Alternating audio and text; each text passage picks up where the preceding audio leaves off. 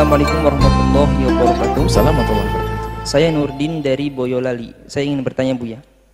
Di musim wabah, kita harus menjaga jarak antara satu orang dengan orang yang lain.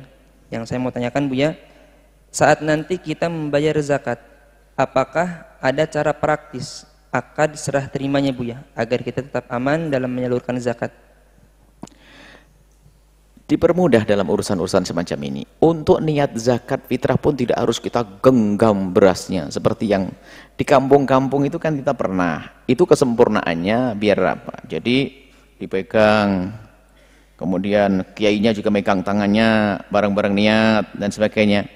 Itu juga sah-sah. Tapi tidak, ini loh beras, niat sudah selesai. Berasnya taruh di ujung sana, ini beras saya, saya niat untuk zakat, selesai.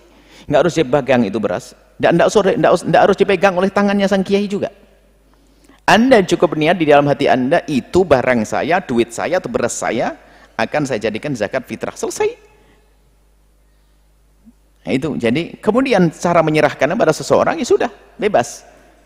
Anda serahkan kepada siapa mau ngambil, misalnya kita antarkan ke rumahnya, ya sudah serah terima, tidak harus pakai ini zakat fitrah saya mohon diterima, nggak usah. Serahkan selesai. Bahkan kita bisa menyuruh siapa saja untuk menghantarkannya, boleh. Jadi permudah jadi. Dan begitu aslinya bukan karena wabah corona saja, ini memang begitu.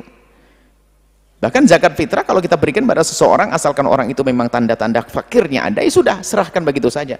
Nggak usah kita bilang ini zakat fitrah, nggak usah. Dan tidak harus diri Anda yang mengantarkan, boleh Anda menyuruh yang lainnya.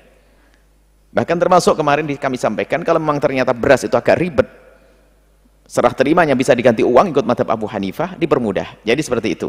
Niatnya adalah cukup Anda niat, tidak harus Anda pegang uang itu, tidak harus Anda pegang beras itu. Dan di saat Anda menyerahkan, serahkan kepada siapa saja dari kaum fakir dan miskin, dengan cara apa pun, yang penting nyampe ke tangannya, itu selesai. Anda bisa melalui wakil-wakil yang bisa Anda percaya, boleh. Yang di masjid dan musola dan seterusnya, boleh. Dan dari pihak masjid, cara mengantarkannya demi kesehatan semuanya, ya sudah. Mungkin dikasih tahu, mungkin telepon dan sebagainya, atau mungkin langsung diantarkan rumahnya dengan jarak. Ini amplop begitu saja selesai. Bisa semacam itu. Kalau ternyata lebih mudah lagi gaya transfer, wah ini transfer, ya boleh saja. Karena demi keamanan semuanya, kesehatan semuanya. Baik, seperti itu. Jadi jangan dipersulit.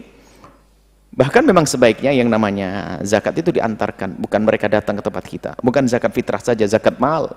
Bukan orang fakir kita jejer sampai berbaris-baris begitu, enggak. Antarkan ke rumahnya. Karena ada sebagian orang fakir yang usrah muta'afifah, afifah. Keluarga yang menjaga, keluarga yang tidak mudah meminta-minta. Menerima zakat pun kadang, ah, enggak mau datang ngantri, enggak. Ada keluarga semacam itu. Maka sebaik-baik zakat adalah Anda antarkan ke rumahnya, Selesai. Anda antarkan, mungkin tinggal sampaikan, aku akan datang ke rumah, ketuk itu, Assalamualaikum, Bu, ini, ini, ini sudah selesai, Anda pergi.